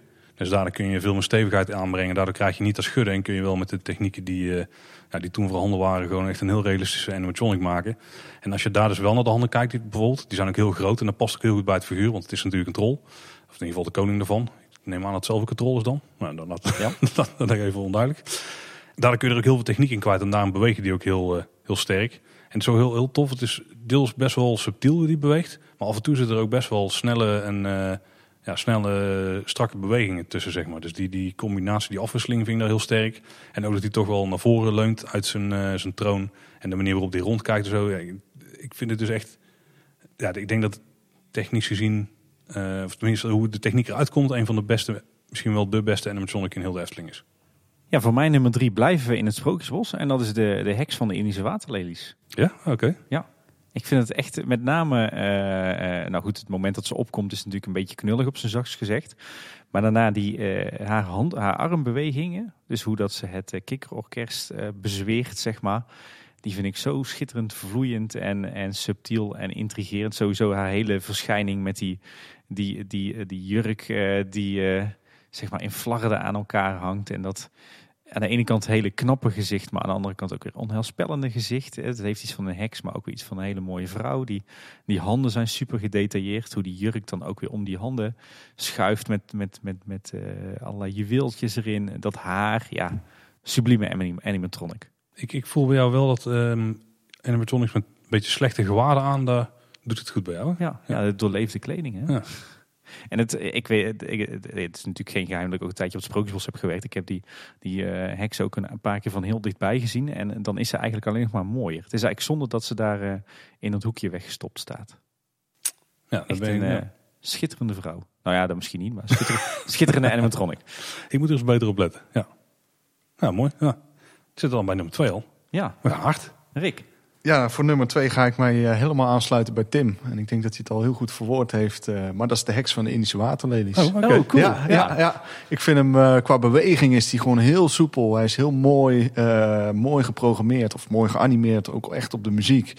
Hij heeft hele subtiele bewegingen. Ook echt het knikken van die, armen, van die handjes, wat het ook gewoon ja, heel veel geeft. En als je er in de verte ziet staan, dan zie je ook echt die glinstering in de ogen. Dus ja, uh, ja. super mooi, uh, super mooi gemaakt. Zeker met het, uh, het nieuwe masker ook tegenwoordig. Ja. Echt, en wat ik ook heel tof vind, maar dat, ja, dan dwaal ik een beetje af van, van waar we het nu over hebben. Maar hoe dat ze gewoon de Indische waterlelies, hoe dat ze die, die update hebben gegeven. Hoe dat ze door hele subtiele wijzigingen in de muziek en net even wat extra dingetjes toe te voegen. Dat het toch er weer heel fris uitziet eigenlijk. Ja, met, met respect voor het verleden. Hè? Absoluut, ja. Ik moet er dus binnenkort echt een flinke telelens opzetten. Dus ik moet gaan bestuderen, die animatronic. Ik heb iets gemist nog in mijn leven, denk ik. Moet even mijn favorietjes worden. Oké. Okay. Nummer twee? Ja. Ik ga misschien wel uh, voor de meest voor de hand liggende voor mijn nummer twee. Daarentegen is mijn nummer één compleet niet voor de hand liggend. En dat is de tapijtverkoper in Fata Morgana. Ah, oké. Okay. Ja, ik en, en daarbij is het meest uniek is natuurlijk die loopbeweging. Want die hebben we eigenlijk verder nergens in de Efteling. En die hebben ze nog steeds wel goed gedaan. En ook hier hebben ze weer heel slim gekeken naar wat voor figuur zetten we daar neer. Uh, of, misschien hoe kleden we die aan zodat we die beweging zo goed mogelijk kunnen maskeren. Want juist omdat ze, dat hij zo'n gewaad aan heeft, daar kun je een heel groot deel van die techniek um, weghalen. En als je ook niet zo heel groot bent en je zit in een bootje, dan zie je door die rol tapijt die er aan de voorkant ligt, zie je ook het mechaniek gewoon helemaal niet zitten.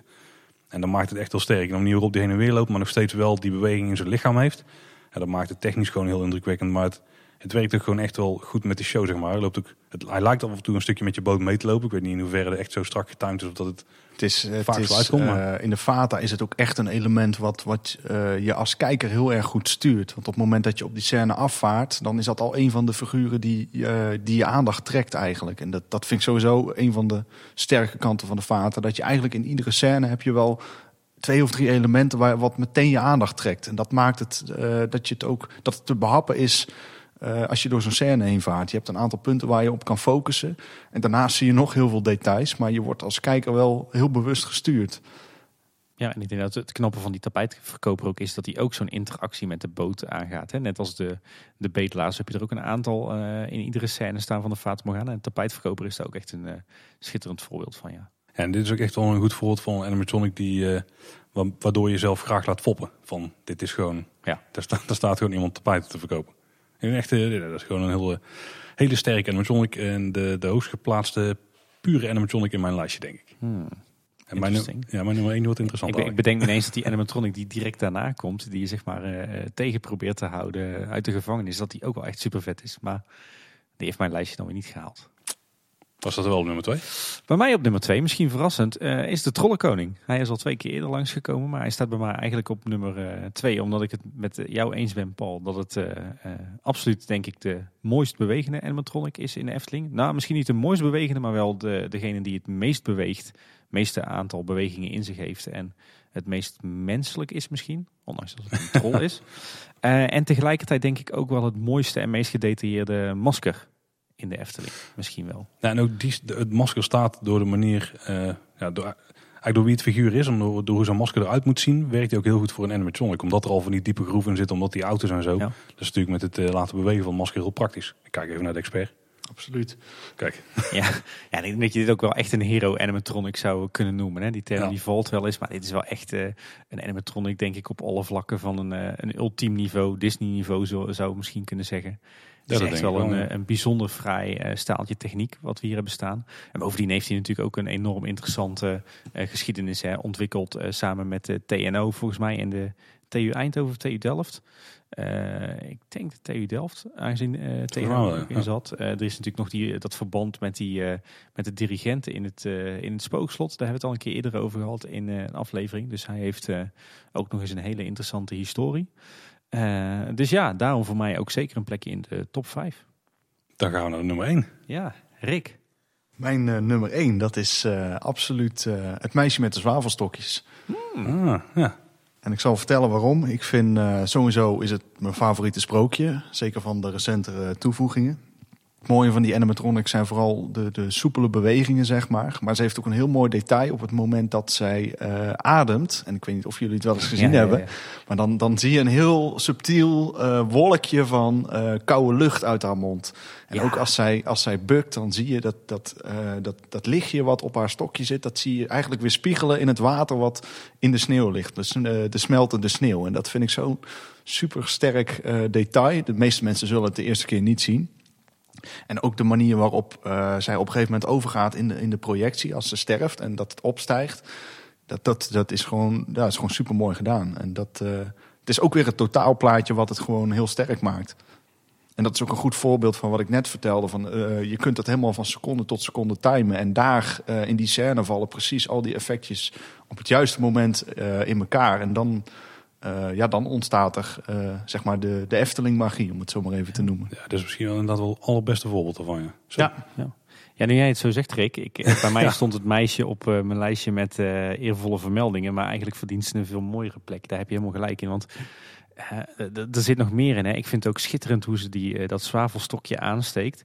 Hè, ze begint met een heel bijna twijfelachtig Ja. eh, beweging. En dan, als dan het stokje de grond raakt, dan trekt ze hem echt omhoog. Ze strijkt hem ook echt zo langs de vloer, alsof het, eh, ja, als ze hem echt aanstrijkt, zeg maar. Het begint heel, heel erg Ja. behoudend en twijfelachtig en daarna heel krachtig. Dat vind ik echt schitterend.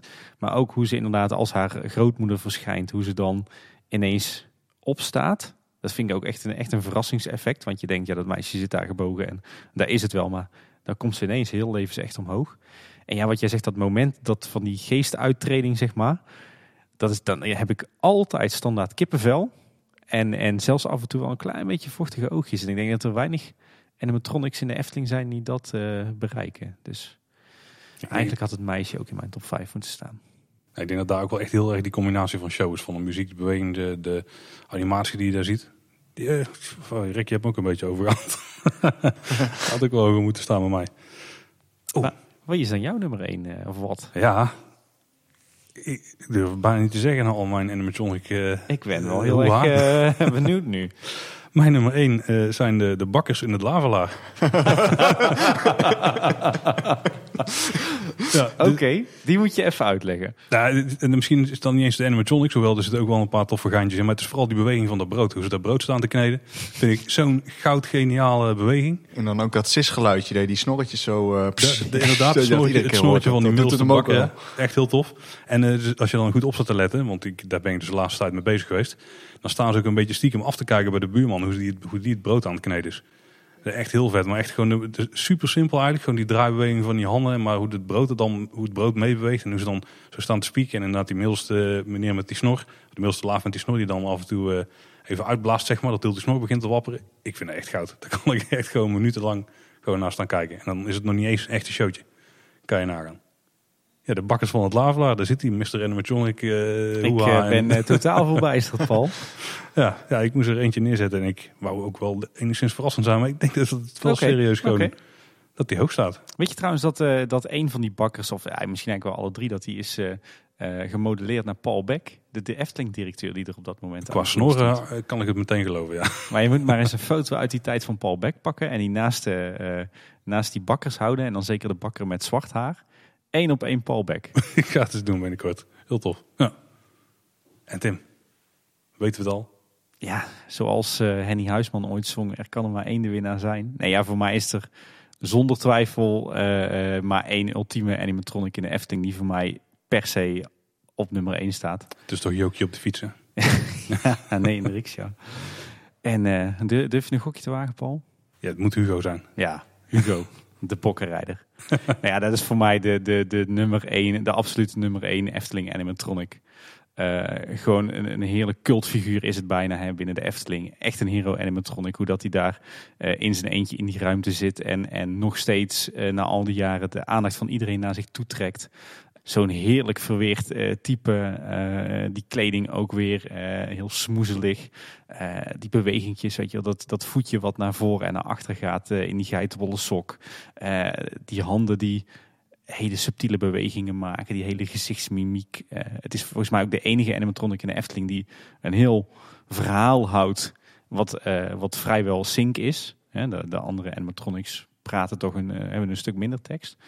Dat vind ik ook heel gaaf gedaan. Ja, en verder die wenkbrauwen, eh, de, hele mimiek in het gezicht, eh, het haar, de baard. Ja, dat ja, dit is voor mij gewoon de animatronic in de Efteling. Altijd al geweest en zal die altijd blijven. Geen verrassende keuze dat hij jouw top 5 staat. Ik had misschien toch ergens een, een van die toonbeelden van subtiliteit of zo verwacht. Ja, misschien wel, maar ik, dit is voor mij, eh, toen, we- toen we hier een jaar of anderhalf geleden mee begonnen, was voor mij meteen duidelijk, Hugo staat op één. En dat is denk ik ook door eh, wat, ik, wat ik zelf nooit zo had beseft, maar nu Rick het heeft, eh, heeft verteld, eh, denk ik dat het daar ook wel aan ligt. Is ook een beetje de rol die die vervult. Hè. Het is echt, weet je, die hele attractie Villa Volta is natuurlijk al een van de beste, zo niet beste attracties in, het, in de Efteling. En hij vervult daar als animatronic zo'n enorm prominente rol in, in het verhaal.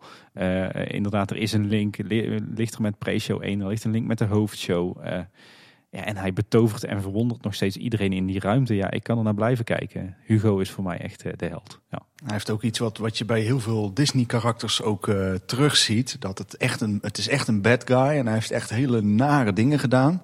Maar hij heeft ook wel weer iets, en dat is natuurlijk omdat hij nou al wat ouder is, toch iets vriendelijks. Want mensen hebben toch altijd zoiets van, oh, het is toch een beetje een, een opa-figuur. Zo Dus een beetje sympathiek, ja. hij krijgt toch een bepaalde aaibaarheidsfactor, terwijl het eigenlijk een heel naar persoon is. En dat, dat zie je ook bij heel veel, eh, in Disney-tekenfilms, ook heel veel eh, ja, nare figuren, dat die vaak toch een, een bepaalde kwetsbare kant hebben. Wat ze dan toch weer, waardoor je er toch ook wel weer iets mee kunt krijgen, zeg Ja. maar. Waardoor, eh, ja. En ik vind het ook schitterend hoe die ogen knipperen. Dat gaat ook, is ook heel mooi gedaan bij Hugo. Mooier dan bij, bij eh, om het even welke andere animatronic. En ook hoe dat hij slaapt als je binnenkomt en dan langzaam wakker wordt. En na de show dan ook weer gaat, eh, gaat, gaat sla- langzaam maar zeker in slaap valt. Echt schitterend. En nu natuurlijk nu daar het portret van Ton eh, naast staat. Dat geeft dan natuurlijk net weer even dat extra beetje kippenvel. Eh, en ik moet ook zeggen, mijn dochter, zeker mijn oudste, is ook helemaal geïntrigeerd door, eh, door Hugo. Dat werkt natuurlijk ook wel aan mee. Nee, dit is voor mij eh, de absolute winnaar. Ik had al zo'n vermoeden toen de top 5 vorderde. Hebben we nog wat eervolle vermeldingen, heren? Rick, heb jij er nog een paar? Eervolle vermeldingen. Ja het, is, ja, het is niet echt een animatronic, maar eh, het is wel iets wat als kind altijd een enorme indruk op mij gemaakt heeft. En dat is de, de toverspiegel van Sneeuwwitje. Met het eh, bewegende gezicht, maar ook vooral eh, de ruimte die, die eigenlijk meekleurt. Echt dat, dat, dat gifgroene op het moment dat die, die heks eh, tevoorschijn komt. En die, die diamanten die op beginnen te gloeien. Ik vond dat als kind altijd een heel fascinerend sprookje. Er zijn heel veel kinderen die het best wel eng vinden. En ik hoor ook wel veel mensen zeggen van... "Oeh, ik vind het best wel een pittig sprookje voor kinderen. Maar eh, ja, ik heb het altijd wel iets... het heeft iets, iets duisters en dat heeft me ook altijd wel heel erg getrokken. Ik vond dat altijd wel mooi. Eigenlijk is daar heel de ruimte is eigenlijk een karakter, hè? Ja, klopt. Ja. En ook, ook de wind die, als dat luikje open gaat en dat je die vadels zo, zo ziet waaien. En je, je hoort dat geluid erbij. En aan het einde die, eh, die, die knal en dat dan alles weer goed is. En die kaarsjes die dan weer oplichten.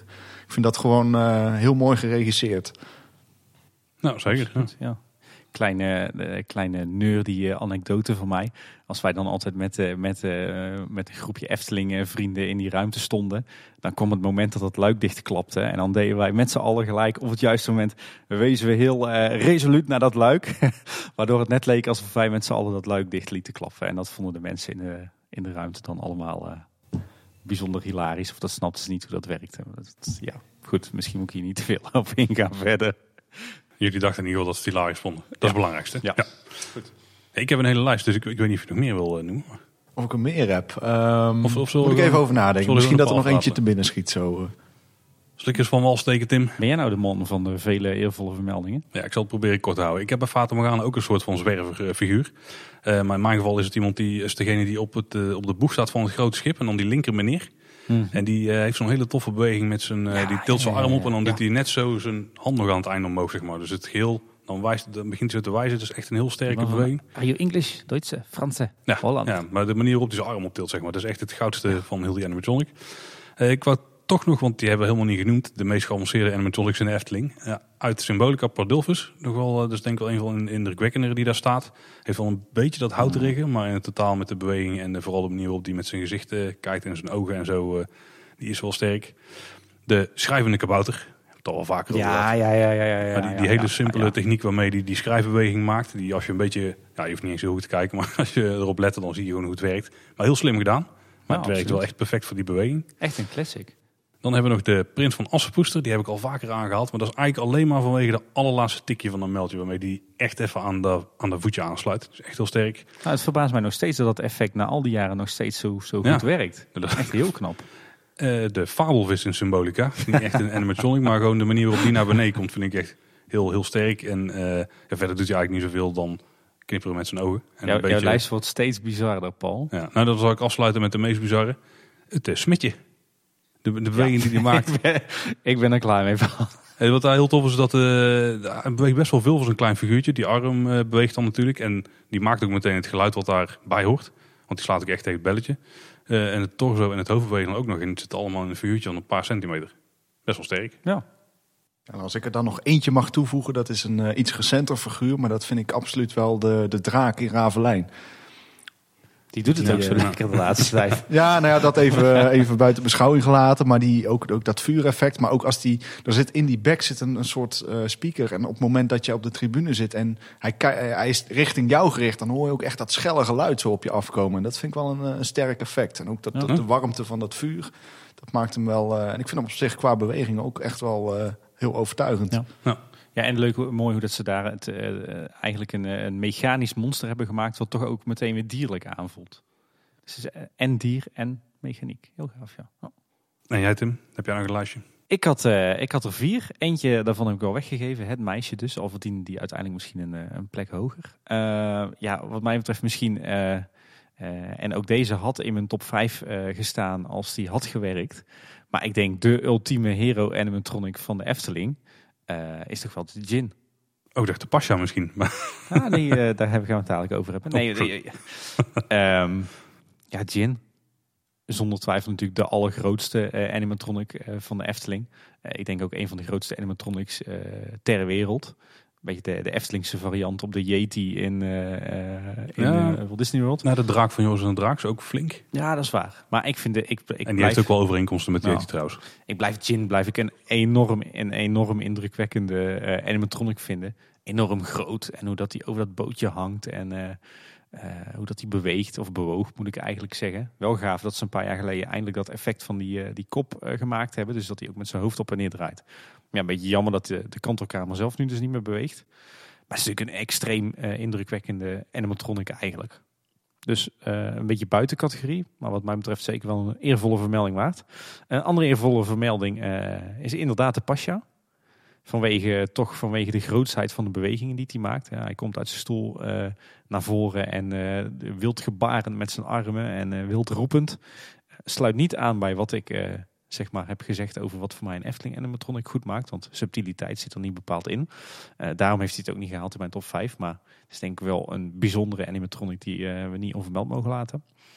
En uh, de laatste sluit eigenlijk een klein beetje aan, Paul, bij jou nummer 1. Maar een eervolle vermelding van mij is of zijn eigenlijk ook de gebroeders Lal in Lals Brouwhuis. Ja, ja, dat is ook goed. Ja, ja, ja. En dan met name omdat ze zulke hele uh, subtiele, vloeiende menselijke bewegingen maken. Als ze die, uh, ze zijn natuurlijk dat uh, hun brouwseltjes aan het bewonderen. En hoe dat ze dan met dat handje bewegen en, en, en naar dat, dat zeg maar die flesjes kijken en dan voorover en achterover buigen. Ook heel mooi. Ja, weet je wat we ook nog niet hebben genoemd? En ik denk dat ik me daar wel eens bij kan voorstellen gezien de recente staat. Maar ik heb laatst oude filmpjes gezien van de kalifen in Fata Morgana, of de tovenaar zeg maar. Mm -hmm. En hoe die toen bewogen, dat was echt, dat was echt gruwelijk. Met veel uh, uh, bewegingen, zeg maar. Veel grotere uithalen met die armen en zo. Ik denk als ze die beweging nu nog maakt, dat die maar ook wel in de top 5 hadden gestaan. Hmm. Ja, ik denk dat die heel erg storingsgevoelig zijn. Ja, en volgens mij zijn, ik weet niet of die nog als ze dan zijn uitgesleten of dat ze die juist wel hebben ingedampt, zodat ze wel minder snel inderdaad in, in storing raken. Maar als ik die oude video's zag, dan dat, dat, dat, dat was gewoon echt Disney kwaliteit. Zeker in die tijd. Ja. Dus die voegen dan even snel een soort van in het verleden aan toe. Hey, even een, uh, ik, ik heb nog een verrassingsvraag voor jullie. Uh, wat is jullie ultieme favoriete animatronic uh, buiten de Efteling om? Ja, maar je moet nu voor de vuist er eentje kiezen. ja, ik ben er zelf nog niet geweest, maar ik kijk natuurlijk heel veel filmpjes. Ik vind, het is misschien niet een hele populaire uitspraak, maar ik vind Trump in The Half President vind ik heel sterk. Ook in zijn mimiek moet eens goed op zijn, uh, op zijn handen letten. Op het moment dat hij zich een beetje verveelt, dan staat hij echt een beetje verdwaasd uh, rond te kijken. dat is wel realistisch trouwens. Ja, uh, en zo, daar, zit heel, daar zit heel veel in zijn mimiek. En als je ziet hoe dat, dat beweegt en ook die souplesse die dat heeft, dat, dat ziet er gewoon echt briljant uit. Ik kan, hoe heet die, Hondo Onaka volgens mij, het Star Wars Smugglers Run. Of hoe heet het dan? De Millennium, de Millennium Falcon Smugglers Run, heeft volgens mij zoiets heet het. In Galaxy's Edge. Die vind ik wel heel sterk. En wat ik dan heb gezien van die animatronics die er nog aankomen van de Beauty and the Beast attractie. Die Bella animatronic waar ze in die loopt dus ook door de ruimte heen, zeg maar. Dat zal ook wel mooi verhuld worden met een balustradetje of zo. Of met een heuveltje. Dat is ook echt heel, heel, heel sterk. En ook wel een hele ja, vreemde misschien, maar Olaf in... Um, ja. ja. Ja, die vind ik ook heel sterk. Ja, in de Frozen, ja, weet die, Frozen Ever After? Het is de... ik, ik, weet niet precies hoe dat het heet, maar ook, ook vooral uh, Elsa die daar staat, die daar staat te zingen. Als je kijkt hoe verschrikkelijk soepel dat is, dat, uh, ja, dat vind ik wel uh, heel inspirerend. En dat is ook best knap, want dat zijn natuurlijk figuren die je kent al als computergeanimeerd figuur.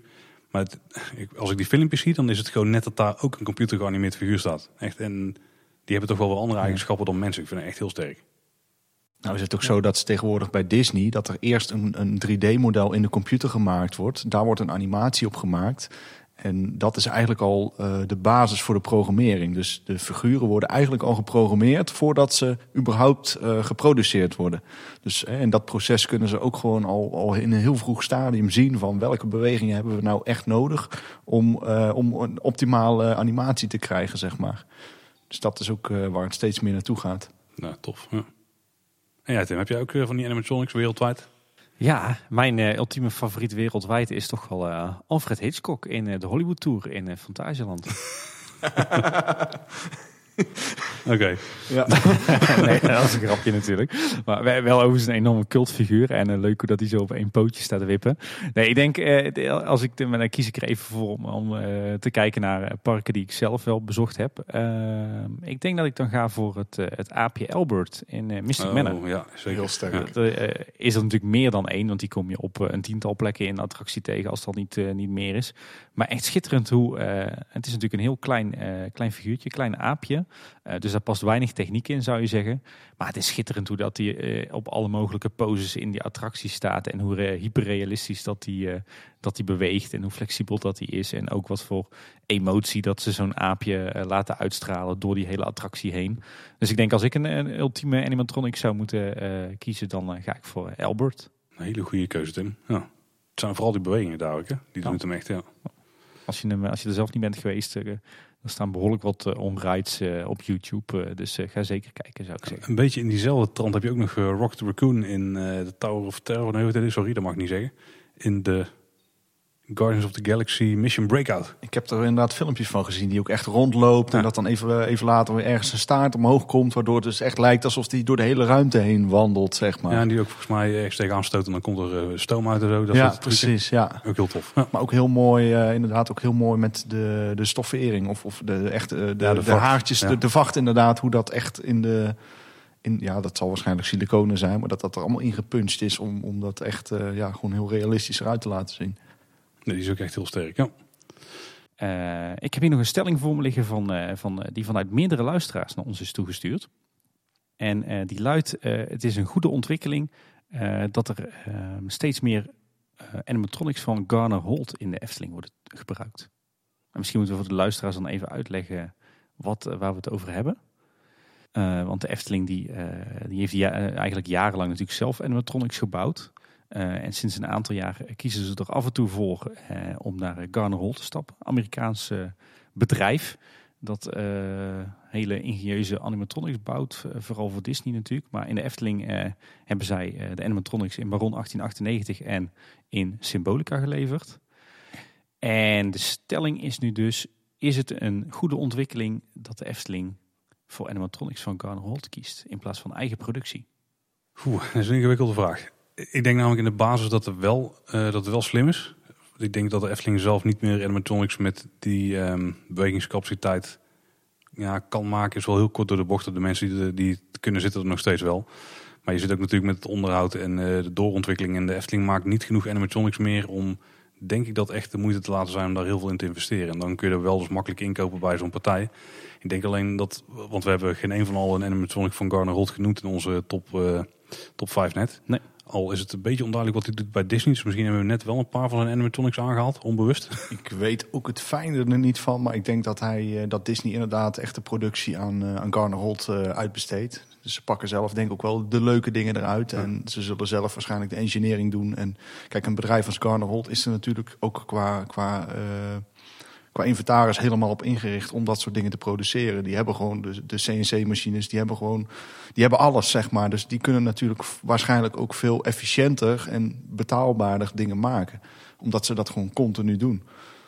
Ik denk wel dat als ik dan kijk naar de manier waarop ik... Ja, dit is natuurlijk heel erg makkelijk praten vanaf de zijlijn. Maar ik zou denk ik liever hebben dat ze misschien investeren in dan minder animatronics van Garner Holt. Maar die dan van wat... eh, die dan nog meer kwaliteit hebben, zeg maar. Die dan echt meer richting de Disney gaan. En die zijn waarschijnlijk gewoon een stuk duurder. En dat ze dan de bij animatronics, eh, dat ze die dan wel bijvoorbeeld zelf zouden doen. Maar die dan ook veel simpeler zijn en simpelere bewegingen hebben. Dat daar die meer die subtiele zijn. En dan echt een paar hero, hero animatronics inkopen. Want als je kijkt naar Garner Holt, wat hij in het algemeen, of wat hij weg kan zetten, er zitten wel echt sublieme animatronics tussen. Als je bijvoorbeeld die Lincoln demo's van hem kijkt, die denk ik ook wel op zijn gemaakt dat die gewoon heel de dag kunnen draaien. Maar dan, dan zijn die wel echt, ja, daar zijn wel de, ik denk voor pretparkbegrippen de best geanimeerde gezichten die je dan ooit hebt gezien. Eh, die zijn waarschijnlijk ook onbetaalbaar, maar ehm, ja, hun doen volgens mij ook stiekem voor Disney meer dan dat je weet. Ook omdat ze contractueel daar gewoon niet veel over mogen vertellen. Eh, de- ik denk dat het uiteindelijk wel een goede keuze is. Ja, ik, ik, ik, ga, ik ga, heb toch een beetje een andere mening dan jou, eh, Paul. Ik vind het een slechte ontwikkeling. Ja, ik heb denk ik net al wel verteld wat ik zo goed vind aan de Efteling animatronics en animatronics van Garner Holt. In ieder geval degene die we in de Efteling hebben gezien, maar ik denk ook wel eh, wereldwijd. Ehm, ja, die staan daar haaks op. Weet je, Eh, die animatronics die maken grootse bewegingen, zeker niet subtiel. Eh, daar zitten minder die, die, die hele kleine menselijke bewegingen in. De maskers zijn vaak helemaal strak getrokken. Ja, voor mij zit daar te weinig leven in. Ik vind de, de, de Baron animatronic vind ik ook helemaal niet mooi. Ik vind de animatronics in Symbolica eigenlijk ook niet mooi. Eh, en dan denk ik, ja, waarom zoveel extra geld betalen om dan zogenaamd een A-merk eh, eh, in te schakelen? Waardoor je dus noodgedwongen ook minder animatronics kan toepassen voor hetzelfde geld. Terwijl je in eigen huis zulke mooie dingen kan maken die veel meer bij de Efteling passen. Eh, dus ik, ik, vind het, eh, ik begrijp dat de Efteling steeds vaker zegt: we, we gaan kennis van buiten halen en we kiezen dan voor A-merken. Absoluut eh, chapeau daarvoor. Maar als het gaat om animatronics, zou ik er echt voor willen pleiten van blijf dat alsjeblieft met eigen mensen doen. Want er zitten echt een paar steengoede mensen bij de Efteling die, die echt goed zijn in animatronicbouw. Christian Brekelmans is bijvoorbeeld zo'n zo'n bekende naam. En nou, in het verleden bijvoorbeeld Marie van Heumen, die hebben al een keer voor de microfoon gehad. Joh, die kennis die je in eigen huis hebt, die kunde, niet alleen qua bewegingen, maar ook qua maskers, ook qua kleding, ook qua, qua griem en haar. eh, doe het vooral zelf en eh, investeer daar ook in. En eh, je hoeft voor animatronics echt niet naar Amerika om iets goeds binnen te halen, want ja, het is niet voor niks dat er geen enkele Garner Holt animatronic in, in geen van onze top 5 staat. Dus ik denk dat dat ook al genoeg zegt. Ik denk dat dat vooral budgettaire redenen heeft. Maar ik, ik denk dat je wel een beetje blijft hangen in het verleden, Tim. Want ik, ik denk dat je juist wel een heel erg breed palet van animatronics moet hebben. En dat je juist die subtiele eh, animatronics moet hebben en die wat meer uitbundige. Want als je het verschil hebt, als je het alleen maar van die... Als het alleen maar subtiele animatronics zijn, dan begint het misschien ook een beetje saai te worden. Dus die afwisseling Ja, is wel goed. Volgens mij hebben we ook zat eh, minder subtiele animatronics ook genoemd in onze top 5. Hè? En dat zijn volgens mij allemaal wel eh, eigen Efteling producties. De Trollenkoning. Eh, minder, Hugo- ja klopt. Hugo. Maar om even jou terug te pakken Paul. Jij, noemde, jij noemde net Elisa. Maar dat is natuurlijk Nee, een, zeker, de, de zeker. meest nieuwe animatronic die we kennen. En dat is gewoon een eh, volledig in eigen huis ontwikkelde animatronic. Nee, maar dat is een subtiele. Ik denk dat zo'n eh, een animatronic van dat type, dat die niet echt in symboliek had gepast. Daar moet er wel iets meer de uitbundige in terugkomen. Maar ik denk dat daar misschien een combi van eh, beter was geweest. Maar ik ben het wel absoluut met je eens dat ik het heel mooi zou vinden als de Efteling weer veel meer gaat in- investeren in hun eigen animatronic of, of robot of poppendokter afdeling. Zodat ze hier gewoon op een simpele manier op veel meer plekken zouden kunnen toepassen. Want ik denk, maar daar gaan we misschien een beetje vooruitlopen op een vraag die een andere luisteraar had gesteld. Misschien moeten we die maar erin gooien. Ja, klopt. We, hebben, eh, we begonnen de, de aflevering onder meer met een mail van Wout. Die was een stuk langer dan dat we hem hebben voorgelezen. Er staan ook allerlei vragen in. De meeste hebben we al bean- behandeld ondertussen. Eh, maar Wout die vraagt eh, waar of in welke attractie vinden jullie dat ze wel animatronics toe kunnen voegen? Zoals Paul wel eens heeft gezegd. Oh, misschien heb ik het dan al wel een keer eerder gezegd. Maar wat mij dus heel tof zou lijken, is als je gewoon hele simpele animatronics hebt in eh, een aantal wachtrijen bijvoorbeeld. En ik kan me helemaal goed voorstellen dat je bij Baron 1898, dat je daar eh, bij een van die houthakkershutjes of misschien iets dichter bij het eh, gebouw, want laten we eerlijk zijn, die rijen die staan niet helemaal door heel de wachtrij heen meer de laatste tijd.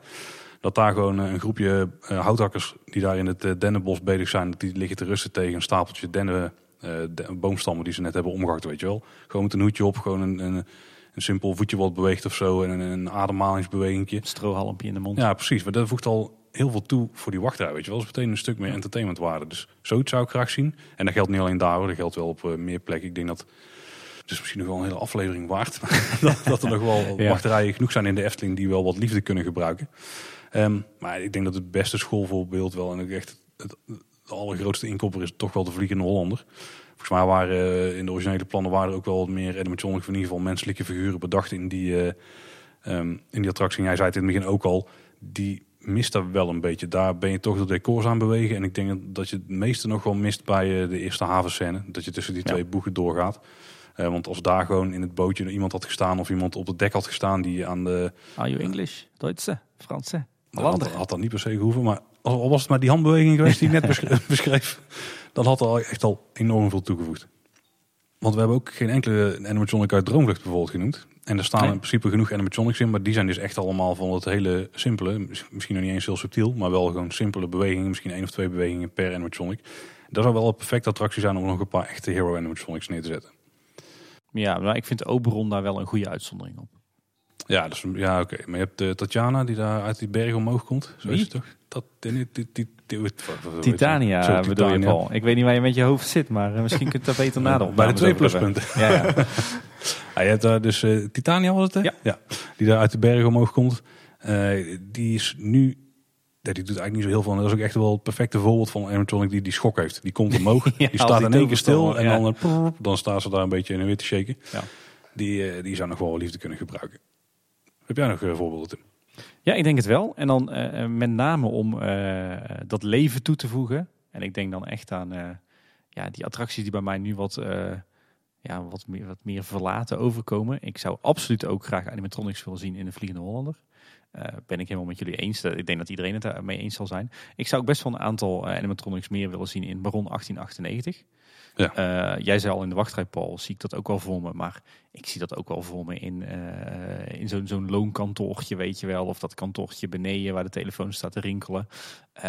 Niet dat het de baron die nou echt animatronics mist. Maar ik denk wel dat die met, met minimale middelen wel echt wat meer leven toevoegen. Een andere attractie wat mij betreft ook echt wel wat meer animatronics zou mogen hebben... is toch Symbolica. Nou, Voelt, eh, voelt wat mij betreft nu echt net iets te veel als een, als een, eh, toch een, een heel erg leeg paleis. Eh, het, het is, is wel heel erg prijzenswaardig dat ze in deze tijd een dark ride bouwen met nog zoveel fysieke animatronics. Dat is goed, maar eh, daar zouden er voor mij eh, echt nog wel wat bij mogen voor echt dat, eh, dat, ja, dat effect dat, dat je daar door een paleis loopt wat helemaal in bedrijf is. Ik heb het ook altijd wel, wel jammer gevonden dat er in het Lavelaar niet wat meer animatronics buiten liggen. Ik vind bijvoorbeeld die, die slapende laaf bij Los Brouwhuis vind ik, vind ik echt een sublieme animatronic. En wat mij betreft mogen er wel wat meer animatronics buiten liggen. Bijvoorbeeld ook buiten de laafmuur, zodat die misschien wat meer mensen naar binnen trekken. Oeh, maar dat is wel heiligschennis, hè? Als ze er buiten komen. Ah, ja. Ik heb me ook altijd wel voorgesteld ja, dat er in een plantsoentje gewoon eh, eentje half eh, ligt te slapen op een hark of op een riek of zo. Dat soort fratsen. Ik, ik, kan- ik kan me iets wel voorstellen. Ja, je, en, verder kan je in iedere attractie een animatronic toevoegen. Ik bedoel, van Vogelrok tot Piranha. En, eh, hè. Oh, vogelrok, ja. Maar goed, als ik dan even kijk naar, dan, dan kijk ik even naar de attracties die, eh, die vaak al wel één of, of, of eh, net iets meer animatronics hebben. Maar dan, ja, dan schreeuwen wat mij betreft Vliegende Hollander, eh, Baron en Symbolica wel het meest om meer animatronics. Weet je aan welke attractie ik ook wel animatronic zou willen toevoegen? Max en Moritz. Ja, Zou mooi ik zijn, zat er hè? ook net aan te denken, ja. Heb jij nog wat, eh, wat plekken, Rick, waar jij ze mist? Ehm, nou ja, Tim die kwam er ook al mee. Maar ik zou het ook erg leuk vinden als ze bij het Volk van Laaf nog eens iets, eh, iets meer zouden doen. En dan denk ik bijvoorbeeld aan een hele kleine, misschien twee, drie dark ride scènes. Of een, inderdaad een, een laaf die... Hè, je hebt nu natuurlijk in het midden van het Volk van Laaf... daar heb je dat, dat gebouwtje waar het, het verhaal verteld wordt in de put. Maar als je daar bijvoorbeeld iets, iets zou toevoegen... dus een, een setting waar kinderen toch eventjes kunnen gaan zitten in een klein kringetje... en waar dan iets verteld wordt of misschien wel iets interactiefs... maar dat er net eventjes iets meer gebeurt...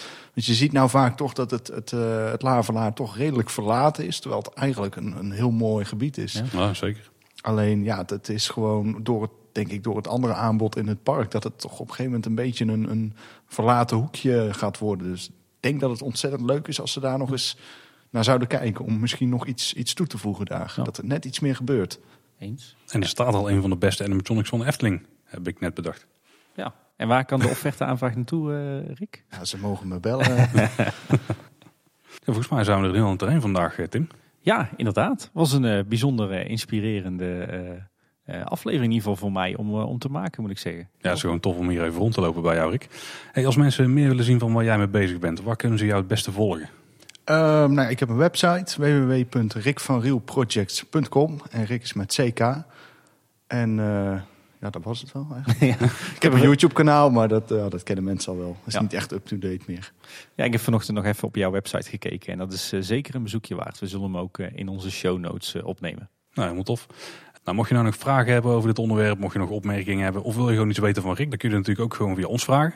Ja. Eh, wij zijn eh, op Twitter, @kboodschap. We zijn op Instagram en Facebook Kleine Boodschap. En we hebben natuurlijk een website, kleineboodschap.com, waarop je een contactformulier kunt vinden. En dan kun je ons eh, alles vragen wat je wil. Voor lange verhalen is dat het makkelijkste. Voor snelle antwoorden is Twitter veruit het makkelijkste. Ja, en je kunt ons ook mailen op info.kleineboodschap.com. En mocht je nou interesse hebben in eh, bijvoorbeeld een eh bonusaflevering eh, met daarin een les animatronic kunde door Rick, dan laat dat dan ook zeker even weten. Want dan kijken we of we dat ergens in 2020 eh, kunnen inplannen in onze agenda. Ja, we kunnen denk ik ook zeker wel even de aflevering van Ochtend in Pretparkland tippen waar je in zat. Waarvan ik geen idee heb wat het nummer is, maar we zullen hem linken in de show notes. Wij zullen hem in de show notes zetten. Dat is inderdaad ook eh, absoluut een eh, interessante aflevering. En ik denk ook wel een soort van voorproefje op eh, het, de les animatronic kunde, toch? En verder horen we natuurlijk ook graag wat jullie van onze top 5 vonden en van animatronics in de Efteling. Wat jullie eigen top 5 zijn. Oh ja, zeker. Ik heb er zin in. Kom, kom maar op met die informatie. die, die ontvangen wij altijd graag. En wie weet komen we er dan nog eens op terug in een reactieaflevering. Yes, dan voor nu. Rick, jij bedankt voor eh, het meedoen. Ja, graag gedaan. Hartstikke leuk. En eh, tot de volgende keer. Houdoe. Houdoe. Houdoe.